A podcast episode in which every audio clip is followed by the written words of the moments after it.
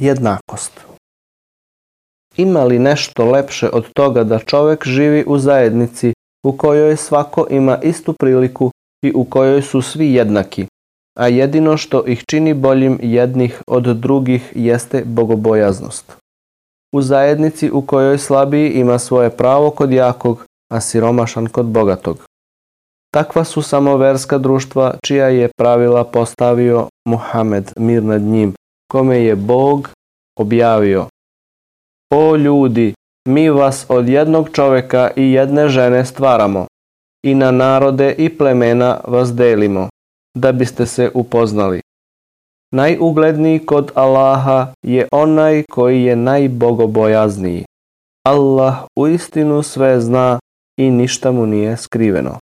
Kur'an poglavlje El Hudžurat Boži poslanik, mir nad njim, je kazao O ljudi, vaš gospodar je jedan, vaš otac je jedan i nema prednost Arab nad ne-arapom, niti ne-arap nad Arapom, niti ima crvena rasa prednost nad crnom, niti crna nad crvenom, osim po bogobojaznosti.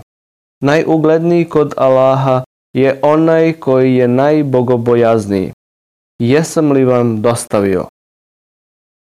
I kazao je, Allah je od vas uklonio oholost iz vremena džahilijeta, perioda pre Islama, i hvalisanje poreklom.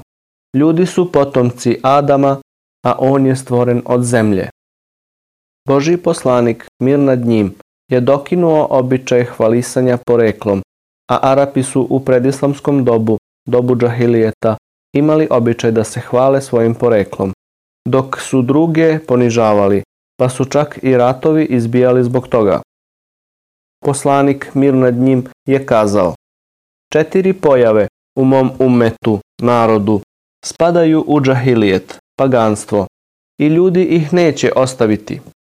Hvalisanje poreklom, poricanje, vređanje rodoslovlja, traženje kiše posredstvom zvezda i naricanje za umrlim.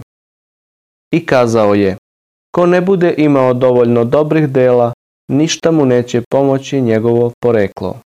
I kazao je, o Fatima, čerko Muhammedova, traži od mene šta želiš, ali ja ti kod Allaha neću biti od koristi.